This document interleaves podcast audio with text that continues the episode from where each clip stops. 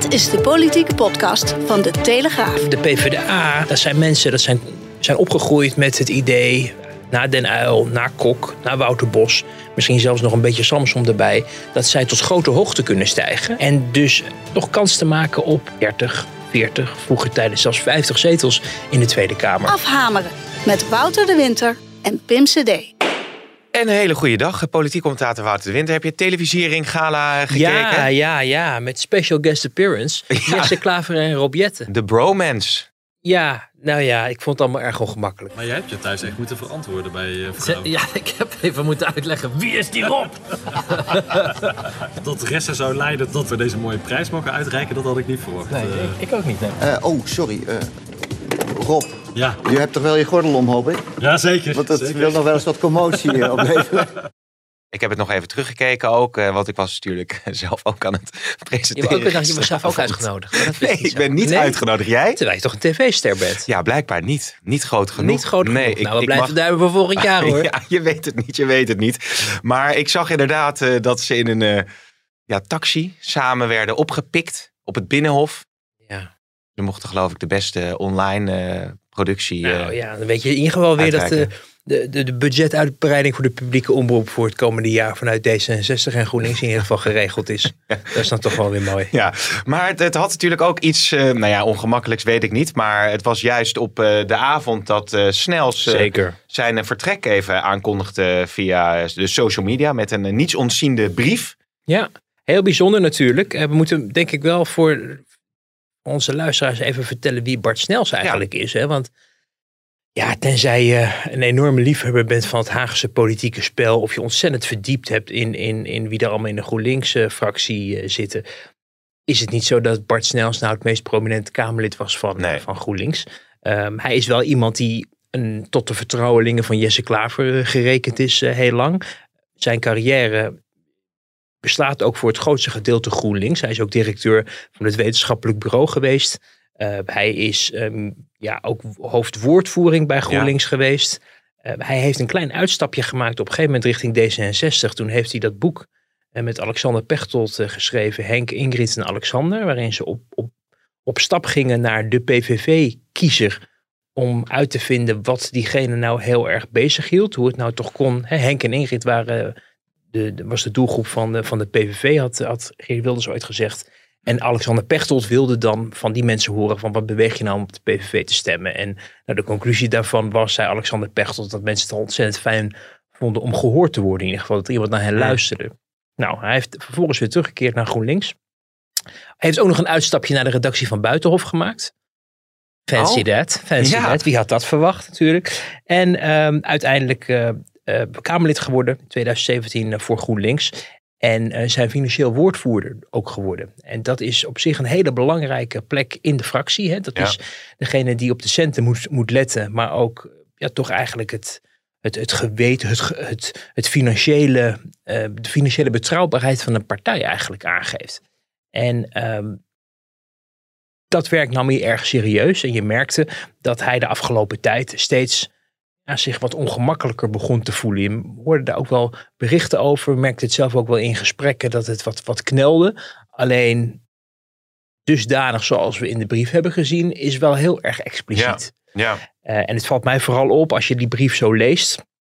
Hij heeft hem gisteren getwitterd. Dus, en ik heb hem ook, een, uh, ook geretweet gisteren met een, met een klein... Ja, een klein sneertje. Klein, kleine waardering, maar daar hebben daar hebben we het zo over. Ja. Uh, maar dat je wel, als je dat leest, dan denk ik wel van iemand... Dit is een brief van iemand die al heel lang zijn werk niet meer leuk vindt. En eigenlijk een allerlei redenen opgeeft om uh, maar te vergoelijken dat hij zijn Kamerlidmaatschap neerlegt. En dat gaat over de samenwerking met de PvdA, maar het gaat ook over de manier waarop er in Den Haag Ja. met elkaar wordt omgegaan. En het gaat over de manier waarop de GroenLinks-fractie tegenwoordig bestuurd wordt. Hij haalt eigenlijk uit richting de fractieleiding, oftewel Jesse Klaver, Hm. Corinne Ellemeet. En dan zie je vooral iemand die volgens mij zijn invloedrijke positie is verloren de afgelopen tijd. Uh, als financieel woordvoerder. Dat er een, gewoon een andere wind is gaan waaien onder leiding van, van Jesse Klaver, maar misschien nog meer van mevrouw Ellemeet. En hij eigenlijk voor hem een soort optelsom is geweest. Ja. Maar ook wel een, een beetje nou ja, wat overspannen, eh, geïrriteerde indruk maakt in zo'n brief. Ja. Waardoor ik me afvraag van ja, als de, als de fractie besluit om met de PvdA in zee te gaan. bedoel, je kan het kiezersbedrog noemen in je brief. Maar uiteindelijk is de fractie, mag in principe de koers varen die ze bij meerderheid Ja, vaststelt. wat natuurlijk de grote vraag is van eh, eh, waar, waar staat dit voor? Hoe groot is nou die frustratie in die partij GroenLinks over die samenwerking met de PvdA? Je schetst nu, het is iemand die het misschien al langer niet meer leuk vindt, Ja. die meerdere redenen opnoemt. Of is het wel degelijk een aspect, die samenwerking met de PvdA? Hij schrijft in die brief waar de PvdA voor staat, die opportunistische manier van politiek bedrijven. Het is niet duidelijk waar de PvdA voor staat. Het is de belangrijkste reden om, eh, om af te treden. Hij zegt ook, hè, ik betreur dat we op, op landelijk niveau, dat is een ander aspect, komen we denk ik nog uitgebreid Mhm. over te spreken, niet kunnen doen wat lokale GroenLinksers wel doen. Dan gaat het uiteindelijk om die, bestuur, eh, om die bestuurlijke verantwoordelijkheid eh, te nemen. Maar laten we eerst eventjes die P van de A meenemen. Hoe breed leeft dat sentiment nou binnen GroenLinks? Nou, het grappige is dat je eigenlijk de indruk kreeg de afgelopen tijd dat dat sentiment veel breder leeft in de PvdA dan in GroenLinks. Ja, Omdat de PvdA, eh, dat zijn mensen, dat zijn mensen die zijn opgegroeid met het idee, na Den Uyl, na Kok, na Wouter Bos, misschien zelfs nog een beetje Samsom erbij, dat zij tot grote hoogte kunnen stijgen. Eh, ook Cohen trouwens, op het nippertje verloren destijds in 2010 van, van Mark Rutte. Ja. En dus gewoon zijn om toch kans te maken op 30, 40, vroeger tijden zelfs 50 zetels in de Tweede Kamer. En nu zien dat ze op 9 staan. En eh, zien dat, of vermoeden dat als je met GroenLinks samen gaat werken, je je eigen potentie min of meer omlaag haalt. Omdat GroenLinks toch een, ook een imago heeft en ook bij veel kiezers als iets te radicaal, iets te groen, iets te links eh, bekend staat. En de PvdA toch iets meer in het midden zou zitten. Dus het verzet eh, vanuit de PvdA richting de alliantie, de fusie, het blok met GroenLinks is eigenlijk veel waarneembaarder geweest de afgelopen Mm. tijd. Ook bij mensen die bijvoorbeeld eh, minister zijn geweest de afgelopen jaren voor de PvdA. Ook allerlei andere prominenten. Ook Hans Spekman was er natuurlijk wel voorzichtig over. Eh, terwijl bij GroenLinks hoorde je daar niet zoveel eh, commentaar op. Nu is het wel zo dat deze uithaal van Bart Snels richting de PvdA natuurlijk totaal in het verkeerde keelgat is geschoten gisteren. Ja. Omdat ja. er wordt van, er wordt, nu wordt de PvdA opportunisme verweten. Nou, nu is in de politiek opportunisme dik bezaaid. Maar zeker niet in de laatste plaats bij GroenLinks eh, de afgelopen jaren. Eh, het is bovendien zo dat er nog veel mensen zijn die niet vergeten zijn dat Bart Snels namens GroenLinks eh, twee jaar geleden op het moment dat, ehm of is het één jaar geleden? Even goed, die, die coronacrisis heeft ons echt helemaal Nee, ik denk één jaar, één jaar geleden, dat op een gegeven moment echt vaart werd gezet achter het houden van de verhoren voor de toeslagaffaire.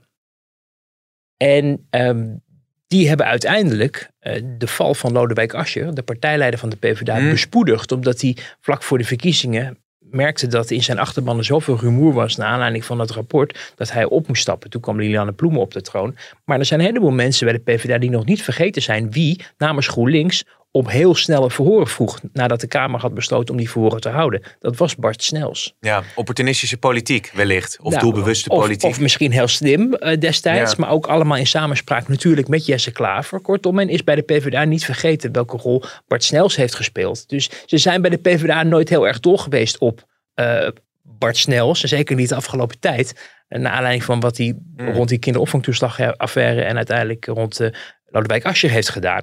En de laatste tijd zie je dan hele geforceerde optredens tussen, ik noem ze maar even gekscherend, Jut en Jul, Liliane Ploemen en, en eh, Jesse Klaver, maar ook vanuit die financiële woordvoerders, Henk Nijboer en Bart Snels, die dan alle twee moesten gaan vertellen dat zij voor 2 miljard aan koopkrachtverbetering waren. Terwijl, nou ja, de PvdA het misschien heel erg vond, maar Bart Snels er zich ja, kennelijk wat minder comfortabel bij voelde. Kortom, het, het, het boterde al een langere tijd niet. En je ziet een opeenstapeling van frustratie nu. Maar het is volgens mij de voornaamste reden ook dat hij merkte dat zijn uh, invloedrijke positie richting de, de baas en daarmee de fractie uh, aan het verliezen was. Ja, dus jij denkt dat dat sentiment van die gevoeligheid in die samenwerking met de PvdA niet een heel breed gedragen sentiment is, uh, dan wel binnen de fractie of dan wel binnen de achterban in het land? Of de lokale partijen? Ik, heb ik nou, ik weet niet of ik je vraag goed begreep. Nou, uiteindelijk is een belangrijk punt wat hij maakt van uh, ja, de, de, samenwerking met de PvdA. Dat zie ik gewoon niet zitten. Wij zijn een progressieve partij, wij staan voor klimaat. in deze tijdsgeest zouden wij misschien juist ons sterk kunnen profileren. En die P van de A, dat is... eh, dat is, Ja, maar dat is dus wat hij vindt. Maar Ja. de vraag is of hij wel... Nou, hoe breed wordt dat sentiment Nou ja, gedragen ik vraag me in het land, af. denk jij? Ik, nou, in het land, in GroenLinks in natuurlijk Groen- vooral, dat- vooral relevant. En ik hoor dus bij de PvdA veel meer Ja. sceptisch erover dan bij GroenLinks. Dat GroenLinks, ja, laten we wel wezen, die hebben de verkiezingen verloren. Die hebben heel veel zetels verloren, bijna gehalveerd. En die liggen gewoon met, met- op de rug in de goot met de pootjes omhoog. En het is buitengewoon handig dat je dan me- tegen de grote broer toch PvdA kan Ja. aanscheuren, schurken, om, om ehm, samen een vuist kennelijk te vormen. Maar dat was ook plan B, want plan A was gewoon regeren. Alleen door het uitlekken van die Ollongren-notulen en Ja. de, de inzet van Jesse Klaver zagen, namelijk wij willen regeren, we vinden het asielbeleid niet ons zo ontzettend meer belangrijk en wij zeggen ongeveer overal ja tegen. Dat lag op straat, dat konden ze niet meer en daardoor moesten ze zich uiteindelijk wel vast gaan, gaan klampen aan eh, de PvdA. Ja. Eh, maar het, het was oorspronkelijk de bedoeling om gewoon te gaan regeren. En eigenlijk ook waar, waar Bart Snels in zijn eh, brief ook over spreekt. Namelijk dat, het, dat hij tegen getuigenispolitiek is. Dat hij graag aan het stuur wil zitten, mee wil doen, constructief. Dat was het oorspronkelijke plan. Daar zijn ze van afgestapt. En daardoor zie je dat het plan B hem niet bevalt. Maar ja, tot nu toe merken we en hoorden we ook dat er wel wellicht nog één iemand anders in die fractie nog een beetje zou twijfelen. eh, maar inmiddels ook aan boord is. Waardoor Bart Snels helemaal in zijn eentje kwam te staan. En zag, ja, dat wordt de komende drie, vier jaar oppositie voeren. Op een manier waarop mij dat niet bevalt. Ja. Er is natuurlijk ook wel een rapport uitgekomen bij de PvdA dat de identiteit, de stroom van de partij, waar staan we nou voor, hè, de- die zijn zich echt aan het herijken op dit moment. Dus hij voelt waarschijnlijk dat, dat, dat zijn partij wellicht afglijdt als ze zich te veel met die PvdA eh ja, gaan samensmelten. Zeg Nou, maar. ik zie het toch meer als een, als een manifestatie van persoonlijke frustratie. En een opeenstapeling van eh, het, het, het verliezen van, van de eigen invloedrijke positie. Ehm daar wordt dus bijvoorbeeld ook bijgesleept dat het klimaat in de Kamer zo eh, vervelend is geworden. Nou ja, dat is nat- natuurlijk ook wel zo. Er is, de, de, de toon is veranderd. En het grappige was dat er gisteren, hè, we spreken nu met elkaar op vrijdag, gisteren op donderdag was, het, eh, was de begroting van de koning die, die besproken werd in de Tweede Kamer met de minister-president. Beetje een jaarlijks ritueel, want heel veel verandert er niet zoveel aan die begroting. Hij is ook niet zo ontzettend groot. Maar het is ook de bespreking van de begroting van Algemene Zaken, het ministerie van Mark Rutte. En een aantal partijen greep die gelegenheid aan om het premierschap van Mark Rutte nog maar eens aan, Mm. de orde te stellen op de welbekende toon. Dus denk, die schilderde de minister-president weer af als een grote leugenaar die eigenlijk weg moet. En ook eh, Renske Leijten van eh, de SP, die begon een pleidooi of eigenlijk een suggestie van ja, mensen elkaar lang kennen op bepaalde functies, dan is er bijna een soort netwerkcorruptie eh, vanzelfsprekend. Namelijk, je kent elkaar zo goed, je elkaar, gaat elkaar dingen gunnen, je gaat elkaar niet meer streng controleren, opletten. Eh, en dat leidde vervolgens tot een eh, ja, bijzondere confrontatie met Bart Snels. Ik sla toch even aan op het woord netwerkcorruptie. Dat is een heel groot woord, dat is een heel zwaar woord. Eh, en ik zou daar graag enige toelichting van eh, mevrouw Leijten op hebben. En het viel mij heel erg op, omdat normaal links elkaar behoorlijk met rust laat. En hier werd nogal een bouwde uitspraak gedaan door Renske Leijten. eh, door toch het woord corruptie en het maar een beetje richting ook Ja. weer de premier te, te duwen. Soms hoef je het niet uit te spreken van jij bent corrupt, maar is het een beetje guilty by association. Die indruk wekte het inmiddels, eh, tenminste toen ik daar ook naar luisterde. En niet de VVD, nog het CDA, nog D66, die naar, het- naar de interruptiemicrofoon liepen. Maar Bart Snels van GroenLinks, die zei, die grote woorden, netwerkcorruptie, leg dat nog eens uit. Oftewel, Ja. dat gaat mij wat te ver. En dan vervolgens zie je s'avonds die brief van hem, waarin hij klaagt over de manier waarop politici met elkaar omgaan, hoe ze ambtenaren in de beklaagde bank zetten, hoe ze de minister-president en andere ministers van, van nou, als leugenaars afschilderen. Ehm, dus ik kon dat ene niet loszien van Ja. het andere. Je zag dus dat, dat hij zichzelf in dat laatste debat wat hij voerde, eh, nog heel erg ergerde aan de manier waarop er zelfs op links werd gesproken over het kabinet, over het Ja. politiek bedrijf. Ik ga die analyse van jou steeds eh, beter voelen inderdaad Oh. zo, eh, Wouter. Ja, ik zit natuurlijk heel Nu de als- luisteraars nog. Ja, nee, precies. ja. Nee, maar als je die brief zo leest, dan, dan zitten er natuurlijk aspecten in waarvan je je afvraagt van, ja, hoe gevoelig ligt dat binnen die partij, die samenwerking, wat speelt er dan bij GroenLinks? Maar jij ziet het ook vooral als een, een persoonlijke Ja, frustratie en iets wat zich heeft opgestapeld in de laatste ma- maanden. En dat, dat nu tot uiting is gekomen in die, eh, in die brief en het aftreden. Ja, en vergis je niet dat we natuurlijk een paar jaar geleden nog de zogenaamde scorebordpolitiek ehm bladzijde hadden in de GroenLinks-geschiedenis. Hè? Toen Ja. Jesse Klaver het spreekgestoelte bij de algemene beschouwingen be- be- beklom en zei: Weet je wat, we moeten af van het eh, elkaar vliegen afvangen. En wij gaan daarom ook de hele begroting steunen. En we gaan verder niet zoveel eisen stellen. Want als dingen beter worden, gaan wij niet moeilijk doen. En we zijn er toch allemaal om het land vooruit te helpen. Dat was natuurlijk iets wat ook met Bart Snels, die toen nog heel invloedrijk was. En notabene de financieel woordvoerder was. Dus eigenlijk de portefeuille had miljoenen nota. En gaan we wel of niet akkoord daarmee. Ehm, dat hij, en dat is redelijk in het gezicht ontploft van GroenLinks. Want daardoor hebben ze eigenlijk de sleutels eh, gewoon aan het kabinet gegeven. En jullie kunnen op onze steun rekenen en doen er maar wat leuks mee. Heel veel frustratie destijds ook bij de PvdA. Omdat die van plan waren om allerlei eisen te stellen. Zodat ze voor hun achterban nog een paar honderden miljoenen richting de leraar konden schuiven of wat dan ook. En in die periode was Bart Snels een graag geziene gast op het ministerie van Financiën.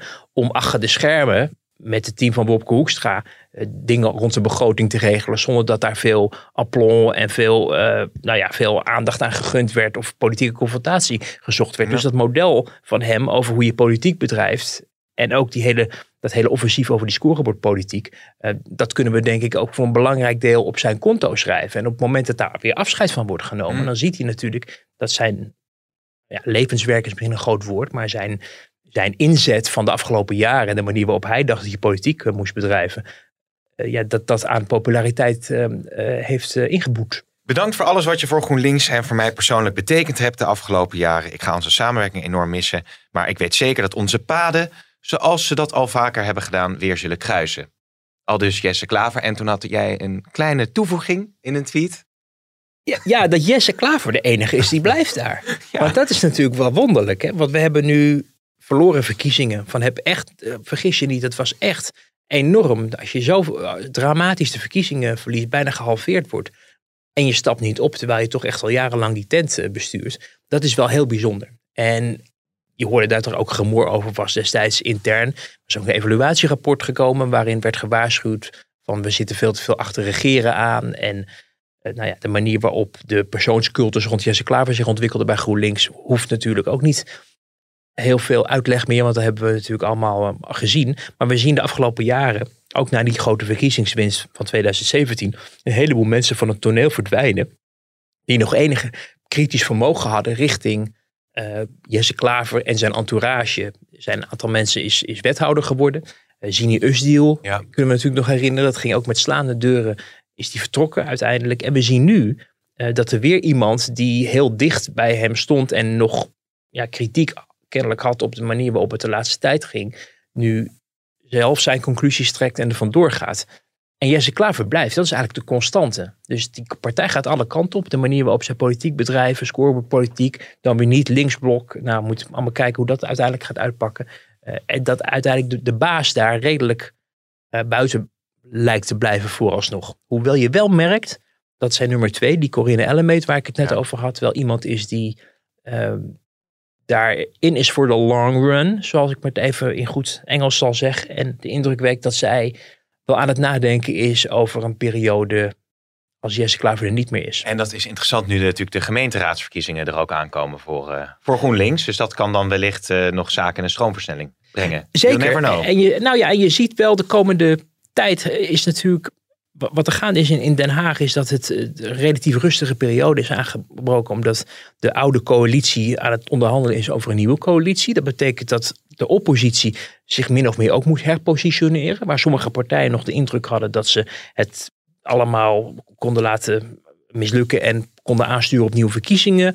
Of dat ze aan tafel konden komen om mee te regeren, zoals PvdA en GroenLinks deden. Zie je nu dat die coalitie toch de rijen heeft gesloten. En dat betekent dat andere partijen moeten gaan kijken van wat betekent dat voor ons uh, de komende jaren. Of misschien de komende maanden inderdaad richting ja. die gemeenteraadsverkiezingen. Ja. En dan denk je aan PvdA en GroenLinks. Vooral GroenLinks wat een enorme afstraffing te wachten staat. Want die hebben de vorige keer het heel goed gedaan. Eh, de grootste partij geworden in allerlei gemeenten, waaronder Amsterdam. En alle peilingen die, die wijzen op drama uit. Dus dat betekent dat ook een partij als GroenLinks en de PvdA nu moeten gaan bekijken hoe zij richting die gemeenteraadsverkiezingen de schade zoveel mogelijk kunnen beperken. En waarover gesproken wordt achter de schermen is wat zij gaan doen aan het verlenen van steun van de verschillende begrotingen van het demotionaire kabinet. Je hoort berichten dat ze van plan zijn om echt de ene na de andere begroting af te stemmen. Dat maakt in de Tweede Kamer niet zoveel uit. In de Eerste Kamer kan het nog wel interessant zijn. Uh, focus zou daarbij heel erg op woonbeleid worden gericht. Dat ze het hele woonpakket van eh, het kabinet uh, willen gaan torpederen. En dat ook kunnen ze in de Tweede Kamer proberen, maar vooral natuurlijk in de Senaat. Uh, maar je ziet dus dat die partijen aan het nadenken zijn over hoe gaan zij de komende maanden samen verder optrekken om. Ook die gemeenteraadsverkiezingen enigszins comfortabel te laten lopen. Of ik moet eigenlijk zeggen de schade te beperken. En dat betekent dat er strategische afwegingen worden gemaakt nu door de top van de, de fractieleiding van PvdA en GroenLinks. En het zou heel goed kunnen zijn dat Bart Snels die koers niet trekt. En dus ook al weet wat er gaat komen en heeft gezegd, daar ga ik mij niet mede verantwoordelijk voor maken. Laten we het nog even hebben over Rutte en het debat over het Koninklijk Huis en de begroting. Want in de uh, zijlijn daarvan ging het ook over uh, de koningin, de toekomst van de koningin. En of zij als zij een relatie krijgt met een vrouw, of gaat trouwen met een vrouw, of ze dan nog steeds koningin mag worden. En daar zei Rutte het volgende over. Ja, we gaan even uit van allerlei theoretische situaties, maar dan is dat mogelijk. Uh, dat is mogelijk en dat betekent dat ze haar functie behoudt? Ja. Uh, dus ze zou dan koningin mogen worden, blijven? We hebben dus twee koninginnen, ja. En wat betekent dat voor haar kinderen? Ja, dat is iets ingewikkelder, omdat uh, daar het, de, de grondwet en hoe het geregeld is in de grondwet met de erfopvolging ook weer wat kan schuren met het familierecht. Dus wat je eigenlijk het beste kunt doen is als het zover zou komen ooit, in de toestemmingswet dat heel precies regelen. Dat begrijp ik niet helemaal. Ik ook niet. Nee, Rutte begreep het zelf ook niet. Maar het is toch interessant wat zich de afgelopen weken uh, voltrekt uh, daarin. Overigens weet je niet of er twee koninginnen zijn, hè? Het kunnen ook een koningin en een prinses zijn. Net als de prins ja. Gemaal. Hij zegt nu van, ja, dus heb je twee koninginnen. Typisch Rutte weer, hup, afronden naar boven. Maar, maar, maar dat, is dus, dat hoeft ja. dus helemaal niet. Want niet iedere, iedere, echt, iedere gemaal, iedere echtgenoot of echtgenote wordt automatisch uh, dezelfde titel uh, toegekend. Dat is nee. voor maximaal wel gebeurd. Maar dat was een titel zoals, ja, een, het woord zegt het al, een titel. Maar niet de, de achterliggende staatsrechtelijke verantwoordelijkheden. Want er is maar één staatshoofd en dat is de ja, koning. Ja, ja. En toen dachten we, denk ik vooral destijds in, in Nederland van nou het is toch wel leuk als we een koning en een koningin hebben. Waarvoor heb je die mensen anders? Het schaakbord ziet er toch ook zo uit. Ja. Dus koning en koningin. En dat wordt dan, zou dan straks twee koninginnen worden, maar het kan ook uh, koningin en prinses worden als des, het, dan het, het, het, het toekomstige kabinet en de Tweede Kamer dat een verstandig idee vindt. Ja. Um, en dan vervolgens is de vraag van ja, wat gebeurt er met eventuele nakomelingen? En dat is natuurlijk wat het wel interessant maakt, omdat het systeem van erfopvolging ook in de grondwet natuurlijk is vastgelegd. Dat is, daarom hebben we een staatshoofd via erfopvolging. Daar wordt Amalia ook uh, koningin.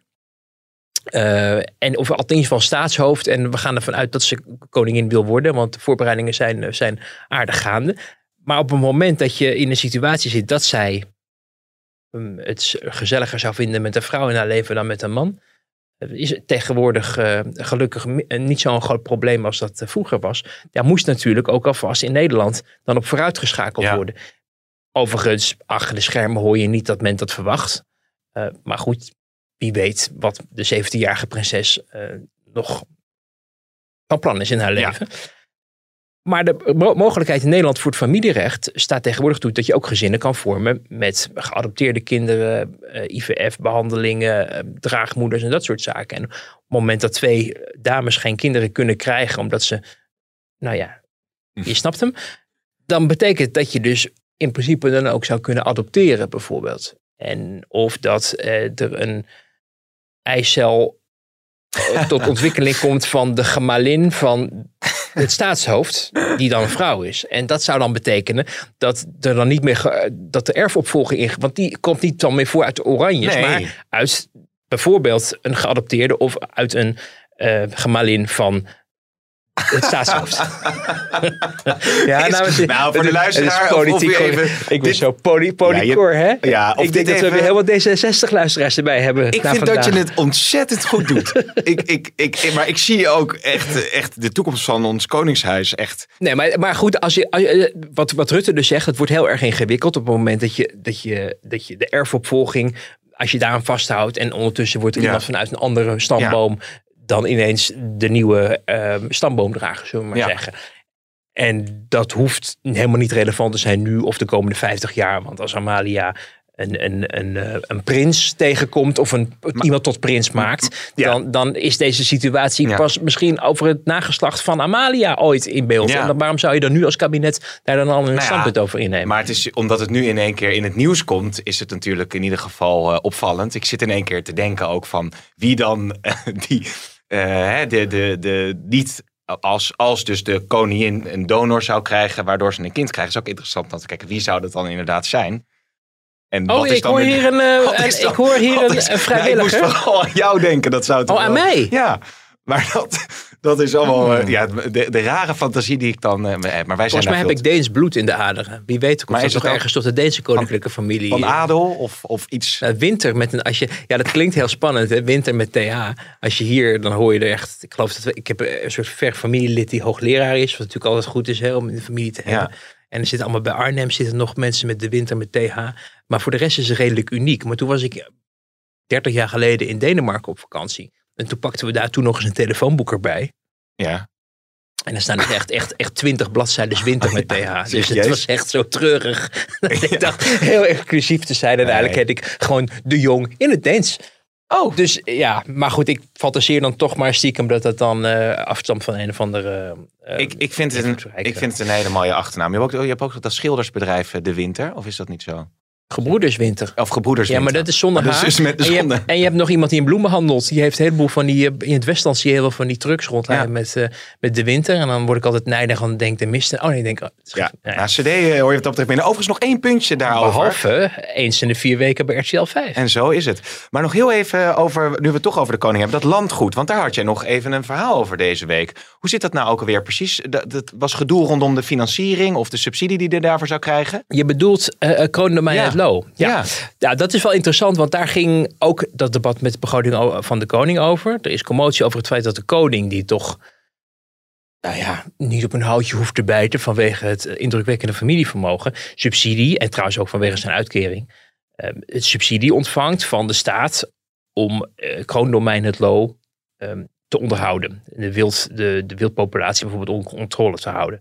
Daar is al langere tijd een een, ja, nadrukkelijke lobby vanuit een kliekje die ik dan maar even dierenliefhebbers noemt, vermengd met de Republikeinen. Want dat zijn een hele interessante combinatie. Die proberen elke keer het weer op de agenda te, zetten. En daar heeft Zembla op een gegeven moment ook een reportage over gemaakt. En dan zie je senator van de Partij voor de Dierenschande spreken. Je ziet eh een meneer Nicolai, die we misschien nog eh, kennen van de advocaat de advocaat zijn voor Margarita en Edwin de Mm. Roy van Zuiderwijn. Mm. Waardoor je ook denkt van nou, die vindt ook wel iets van de Oranjes. Of die is in ieder geval daar. Destijds eh, maakte die zich niet geliefd in die contraien. Eh, en eh, nou ja, dus dat is, dat, dat is al langere tijd gaande. En nu was er nieuws gekomen een paar weken geleden dat de nieuwe subsidievoorwaarden inhouden dat er maximaal nog een sluiting van een week mag zijn van kroondomein Lo in plaats van 14 weken. Waar iedereen van veronderstelde dat de koning die tijd gebruikte om zelf samen met familie en vrienden eh, te gaan jagen daar. Wat natuurlijk op zich in de ar- aristocratie een, een heel normaal tijdverdrijf is geweest de afgelopen jaren. En de afgelopen eeuwen misschien wel. Maar voor Henk en Ingrid en Alexander misschien een wat minder voor de hand liggende bezigheid is. Um, dus ze hebben dat volksgevoel, eh, dus, eh, hebben ze goed weten op te poken. En daardoor merkte je nu dat er nou, werd gesleuteld aan die, um, uh, aan die subsidievoorwaarden. Waardoor de situatie zou kunnen zijn dat binnen Alexander maar een week krijgt om te jagen. Of hij moet afzien van die subsidie. En gisteren zag je de, denk ik, de veronderstelde oplossing. Namelijk, Rutte zei in dat debat, er zijn uh, vier subsidies die de koning krijgt. En van één daarvan is maar afhankelijk dat de boel een week dicht gaat in plaats van 14 weken. Ja. Zoals nu nog eh, de gebruikelijk is. Dus hij kan nog steeds drie andere subsidies aanvragen. Dat is ongeveer de helft, 371.000 uit mijn hoofd. Wat hij nog kan krijgen voor, eh, voor het beheer van dat. En die andere 450.000, 460.000, 430.000 die kan hij dan niet meer krijgen omdat dat onder de nieuwe subsidievoorwaarden valt. Dus een, een hybride oplossing, zullen we het Ja, maar ja. even noemen. Namelijk hij krijgt nog wel geld, maar niet meer de volle map. Maar hij kan dan nog steeds 14 weken het land goed dicht doen. En blijven jagen.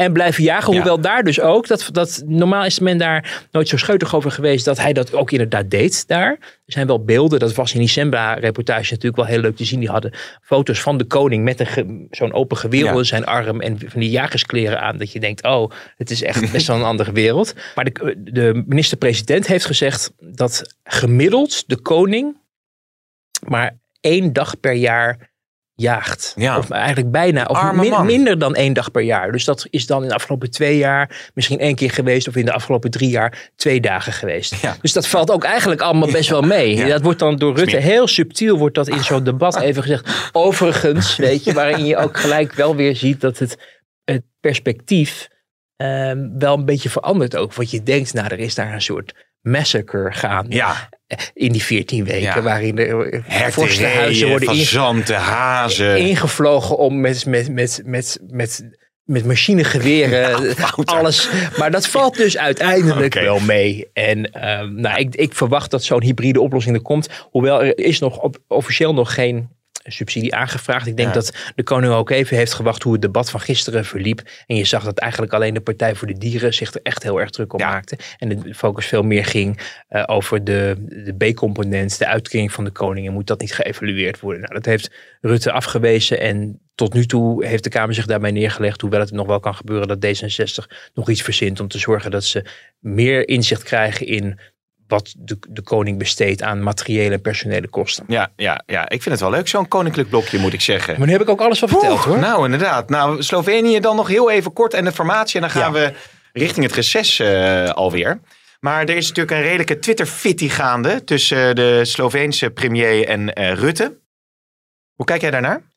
Ja, voor mensen die het niet meegekregen hebben. Hij heeft, de Sloveense premier heeft iets eh, getwitterd over een, ja, een netwerk van Soros, hè? eh, ja, mensen die in Europa werken en iets te maken hebben met Soros. Die, die nou ja, op, bij sommige mensen het uitspreken van de naam alleen al tot, tot woede en complottheorieën leidt. Ehm, en dat plaatje, daar stonden allemaal Nederlandse ehm, eh, Europarlementariërs of ex-Europarlementariërs op. Met een soort suggestie van zij zitten in het web of in de spin. Guy Verhofstadt stond er ook op. Hans van Balen stond Ja. erop. Die is notabene overleden al. En ook Sofie in het veld die toevallig nu daar op bezoek is om te kijken hoe het staat met bijvoorbeeld de persvrijheid. Dus die, die premier die twitterde dat. Nou, dat vond Den Haag natuurlijk on, ja, onbehoorlijk en eh, schandalig. Dus die hebben daar de eh, Sloveense ambassadeur voor het matje geroepen. En vervolgens ehm, heeft Rutte daar zich ook over uitgelaten, ook via Twitter. En daar heeft die Sloveense premier dan weer op gereageerd. En dat is op zich redelijk zeldzaam, hè, dat regeringsleiders elkaar via Twitter de maat gaan, eh, gaan Nou. nemen. We weten natuurlijk dat uit de tijd van Trump dat meningen van de Amerikaanse president ook de wereld in werden geslingerd. En dat ging ook vrij ver. eh, ook richting andere eh, landen. Prominente, ook prominente Amerikaanse politici. Maar in Europa zijn we zoiets eigenlijk niet gewend. Hoewel we natuurlijk wel met Orbán. Die heeft Ja. af en toe ook wel eens wat over Rutte gezegd. En Rutte trouwens ook wel over Orbán. En nou, trouwens ook wat andere regeringsleiders. Dus er wordt wel vaker tegen elkaar boos gedaan. Maar dit was wel heel Ja. direct. Want er werd namelijk getwitterd ook... eh, Well, Mark, don't waste time with ambassadors and media freedom in Slovenia. Together with Sophie in het veld, protect your journalists from being killed on the streets. Ja, dat is natuurlijk de overtreffende trap Halleluja. van smakeloosheid. Zoals ik dat gisteren ook iemand hoorde becommentariëren. En eh, dat lijkt mij een heel erg terechte conclusie. Nu begrijp ik wel dat de Sloveense premier bekend staat in het Brusselse als de Europese Donald Trump. En hem destijds ook als enige heeft gefeliciteerd met zijn verkiezingsoverwinning die hij niet had behaald, want hij had de verkiezingen verloren. Hm, hm, Dus hm. dat geeft wel aan uit welk hout deze meneer gesneden is. Maar ik blijf me toch wel even verbazen, gewoon als, als toch relatieve buitenstaander in Nederland. Hè? Want ik zit niet in de Europese politiek, maar ik, ik, ik doe verslag van de Nederlandse politiek.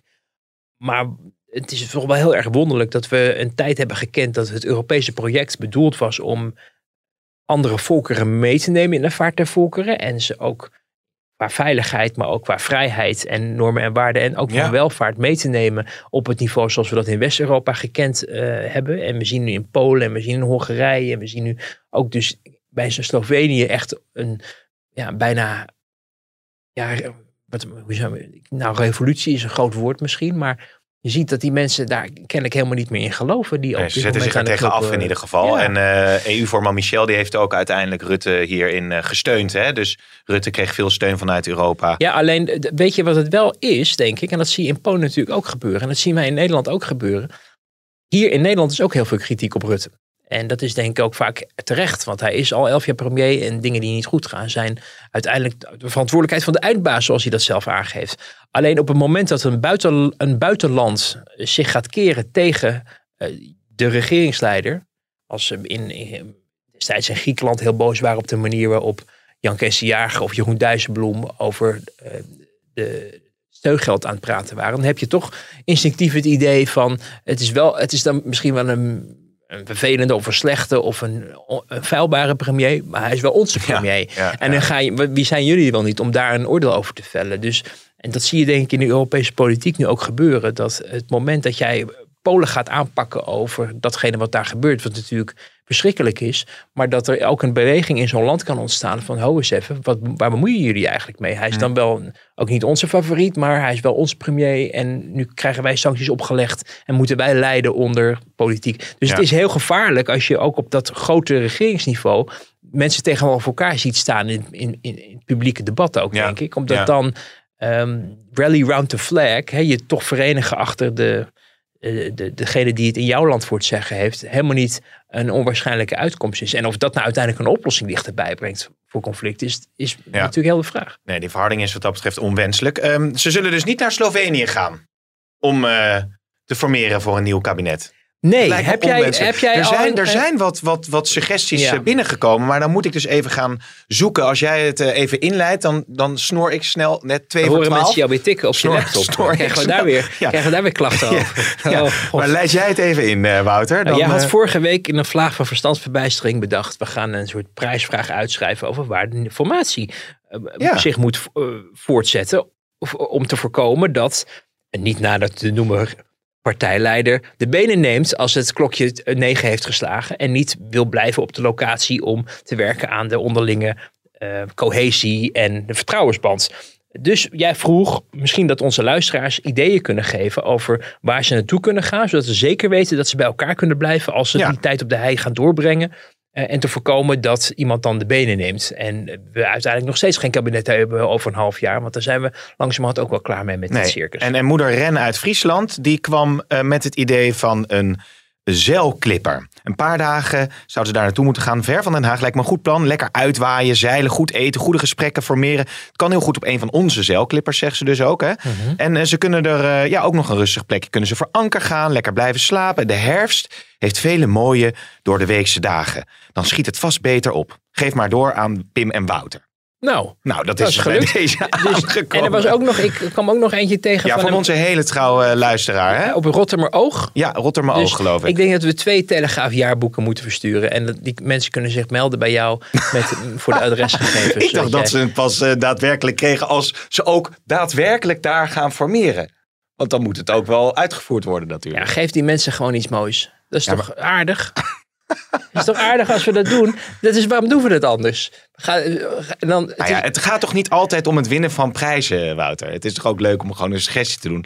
Maar ik wil best bij ik deze... het, mensen, ik heb het geprobeerd voor jullie. jullie Nee, bij, bij, bij deze, als die mensen hun gegevens achterlaten of nog eventjes een reminder Een aan mij een sturen. Hè, een DM anders, of eh, een, of een, eh, een lezersmail. Hè, of een, Oh ja, dan dan, dan ja. zorg ik ervoor dat er een, iets eh, naar hen toe komt. En dankjewel Wouter dat je mij deze administratieve taak uiteindelijk nog geeft. Vorige keer kregen mensen nog een lunch. Dus wat dat betreft. Ja, die is toen uiteindelijk niet doorgaan. was corona. Een lastige tijd, mensen. Wil je nog iets kwijt tot slot over de nou, formatie? even over die formatie inderdaad. Want dat is wel, eh, dat gaat eh, toevallig nog zon, zaterdag verder met de nummers 1. Ja, Dus dat is met Sigrid Kaag, Mark Rutte, eh Gert-Jan Segers en eh Wopke Hoekstra. Vervolgens gaan de eerste twee dagen van de week nog de secondanten met elkaar praten. We hadden het er vorige week al over. Ik ben heel blij dat we het vorige week ook eh, aan de orde gesteld hebben. Dat die secondanten echt, echt heel erg belangrijk zijn voor het laten slagen. En dat hoor je ook. En die zijn ook veel meer aan het overleggen met elkaar. En er wordt ook gezegd dat die op zelfs dezelfde hoogte staan qua belangrijkheid